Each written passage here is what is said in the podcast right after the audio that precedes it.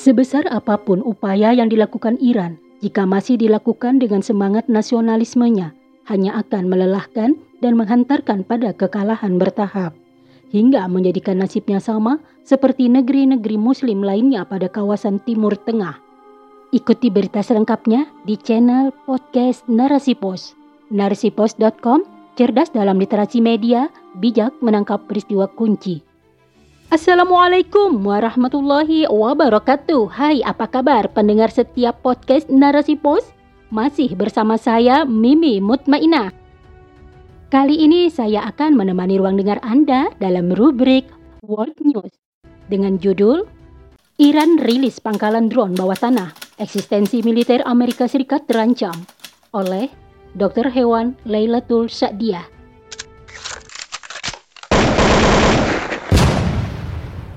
Gejolak adu kekuatan dan pengaruh di Timur Tengah kian memanas. Berbagai kekuatan militer dihimpun untuk mempertahankan negara dan pengaruh terhadap kawasan tersebut. Berbagai senjata mutakhir dikembangkan untuk menggetarkan musuh. Adalah Iran kembali menunjukkan senjata militer dengan menampilkan pangkalan drone bawah tanah dalam pemberitaan. Akankah senjata baru Iran ini mampu menciutkan nyali Amerika Serikat dan sekutunya? Diberitakan oleh televisi pemerintah Iran pada Sabtu 29 Mei, militer Iran telah memamerkan pangkalan drone bawah tanah di tengah ketegangan yang memanas di Teluk. Televisi pemerintah memberitakan ada 100 pesawat tak berawak disimpan di jantung pegunungan Zagros, termasuk di dalamnya Ababil 5 yang dilengkapi dengan rudal KM-9. Menurut Komandan Militer Mayor Jenderal Abdul Rahim Moshafi, tidak diragukan lagi bahwasannya drone milik Angkatan Bersenjata Republik Islam Iran adalah yang paling kuat di kawasan itu dan kemampuan Iran untuk meningkatkan drone tidak dapat dihentikan. Republika.co.id 29 Mei 2022 Begitu besar ambisi Iran untuk terus mengembangkan senjata militernya. Hal ini tidak lain untuk melawan berbagai serangan fisik Amerika Serikat dan sekutunya kepada Iran – dalam perjalanan, Iran mengembangkan drone Nirawak sejak tahun 1980. Amerika Serikat dan Israel menuduh Iran telah mengirim armada drone ke proksinya di Timur Tengah, termasuk gerakan Hizbullah Libanon, rezim Presiden Surya Basar al-Assad, dan pemberontak Houthi Yaman. Berbagai sanksi internasional oleh Amerika Serikat sering didapatkan, namun hal tersebut malah menjadikannya beringas dalam berbagai aksi melawan Amerika Serikat dan sekutunya. Faktanya laporan televisi pemerintah Iran muncul sehari setelah Garda Revolusi Iran menyita dua kapal tanker Yunani di Teluk. Penyitaan ini sebagai aksi pembalasan atas penyitaan kapal minyak Iran oleh Amerika Serikat di sebuah kapal tanker yang ditahan di lepas pantai Yunani. Bulan lalu, pihak berwenang Yunani menyita kapal tanker Pegas dengan bendera Iran. Didapati ada 19 awak Rusia di dalamnya. Penyitaan ini didasari atas sanksi dari Uni Eropa. Kemudian Amerika Serikat menyita kargo minyak Iran tersebut dan membawanya ke Amerika Serikat. Konflik antara Iran dan Amerika Serikat seakan tak ada ujungnya. Tindakan saling balas dendam dan sanksi internasional justru menjadi konflik semakin memanas. Mampukah Iran melawan militer Amerika Serikat dengan segala kecanggihan senjata militer yang dimilikinya? Tidak dapat dimungkiri berbagai macam upaya Amerika Serikat dan sekutunya untuk melumpuhkan kekuatan militer Iran justru menjadikan Iran sebagai negara yang tidak mudah dikalahkan. Tindakan Iran justru berbanding terbalik dengan harapan Amerika Serikat untuk membuat dominasi Iran semakin melemah di Timur Tengah. Melalui kebijakan agresif, justru Iran mampu mengimbangi Amerika Serikat dalam proses struggle for power. Namun, akankah upaya ini berhasil? Perjuangan melawan hegemoni Amerika Serikat dan sekutunya bukanlah hal yang mudah. Hingga saat ini belum ada satupun negara yang mampu menandinginya tidak ada yang mampu menjamin seberapa kuat semangat nasionalisme Iran dalam membendung serangan Amerika Serikat dan sekutunya. Jika kita mau jujur, sebenarnya kekuatan militer Iran tidak akan pernah mampu mengalahkan kekuatan militer Amerika Serikat. Berdasarkan situs pemeringkat militer dunia Global Firepower merilis daftar peringkat militer terkuat di dunia pada 2022. Posisi Iran tidak masuk dalam 10 besar sebagai negara dengan militer terkuat di dunia. Justru sebaliknya, yang menempati peringkat pertama sebagai negara militer terkuat di dunia adalah Amerika Serikat.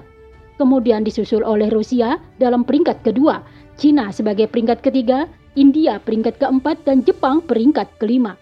Kompas.com 27 Maret 2022.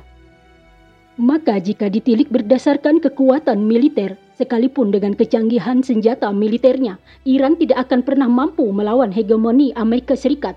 Sebesar apa pun upaya yang dilakukan Iran jika masih dilakukan dengan semangat nasionalismenya hanya akan melelahkan dan menghantarkan pada kekalahan bertahap hingga menjadikan nasibnya sama seperti negeri-negeri muslim lainnya pada kawasan Timur Tengah. Sejatinya Amerika Serikat hanya bisa dikalahkan dengan kekuatan besar yang sebanding atau lebih besar dari kekuatan Amerika Serikat. Namun faktanya, adakah saat ini negara yang memiliki kekuatan militer sekuat Amerika Serikat? Ambisi Barat untuk menguasai dunia dengan penerapan kapitalisme telah menunjukkan catatan buram khususnya bagi umat muslim. Bagaimana tidak, umat muslim di negeri-negeri muslim terus menjadi sasaran kebiadaban Amerika Serikat dan sekutunya. Dengan dalih melawan teroris satu persatu negeri muslim dihancurkan, kerakusan ideologi kapitalisme telah mendorong Amerika Serikat dan negara-negara barat melakukan intervensi di Irak, Suriah, Afghanistan, Palestina, dan negeri muslim lainnya. Mereka tak segan membunuh ratusan juta nyawa untuk memuluskan hasratnya menguasai dunia. Di sisi lain, negeri muslim seperti Indonesia yang seakan tak berkonflik fisik dengan Amerika Serikat tak luput dari upaya penjarahan kekayaan sumber daya alam dengan berbagai regulasi kebijakan pro-kapitalisme. Di sinilah peran Barat dalam menanam antek-antek pemimpin boneka untuk memuluskan kepentingannya. Maka sudah selayaknya negeri-negeri Muslim sadar bahwa sejatinya kapitalisme ini telah menciptakan kezaliman yang menimbulkan penderitaan bagi umat Muslim di seluruh dunia. Karena kesadaran inilah yang nantinya akan mendorong adanya revolusi hakiki di seluruh negeri-negeri Muslim. Perlu adanya upaya penyadaran di tengah-tengah umat atas realitas rusaknya penerapan sistem kapitalisme. Faktanya, dengan berbagai cara kapitalisme akan terus menggerogoti negeri-negeri Muslim untuk memadamkan berbagai upaya perjuangan mewujudkan revolusi hakiki ini, yaitu kebangkitan pemikiran berasaskan syariat Islam Barat sangat paham kebangkitan pemikiran berasaskan syariat Islam akan menjadikan umat muslim sadar bahwa saat ini yang dibutuhkan adalah penerapan syariat Islam secara kafah dalam bingkai khilafah dan inilah yang menjadi ancaman besar bagi eksistensi barat.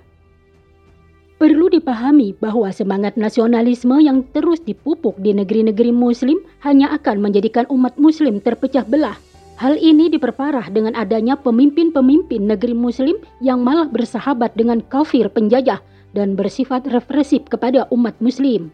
Maka, untuk menghentikan itu semua tidak ada jalan lain. Negeri-negeri muslim harus bersatu, menghimpun kekuatan untuk melawan kafir penjajah di bawah naungan khilafah Rashidah. Hanya kekuatan militer khilafahlah yang nantinya mampu mengalahkan kekuatan militer Amerika Serikat dan sekutunya.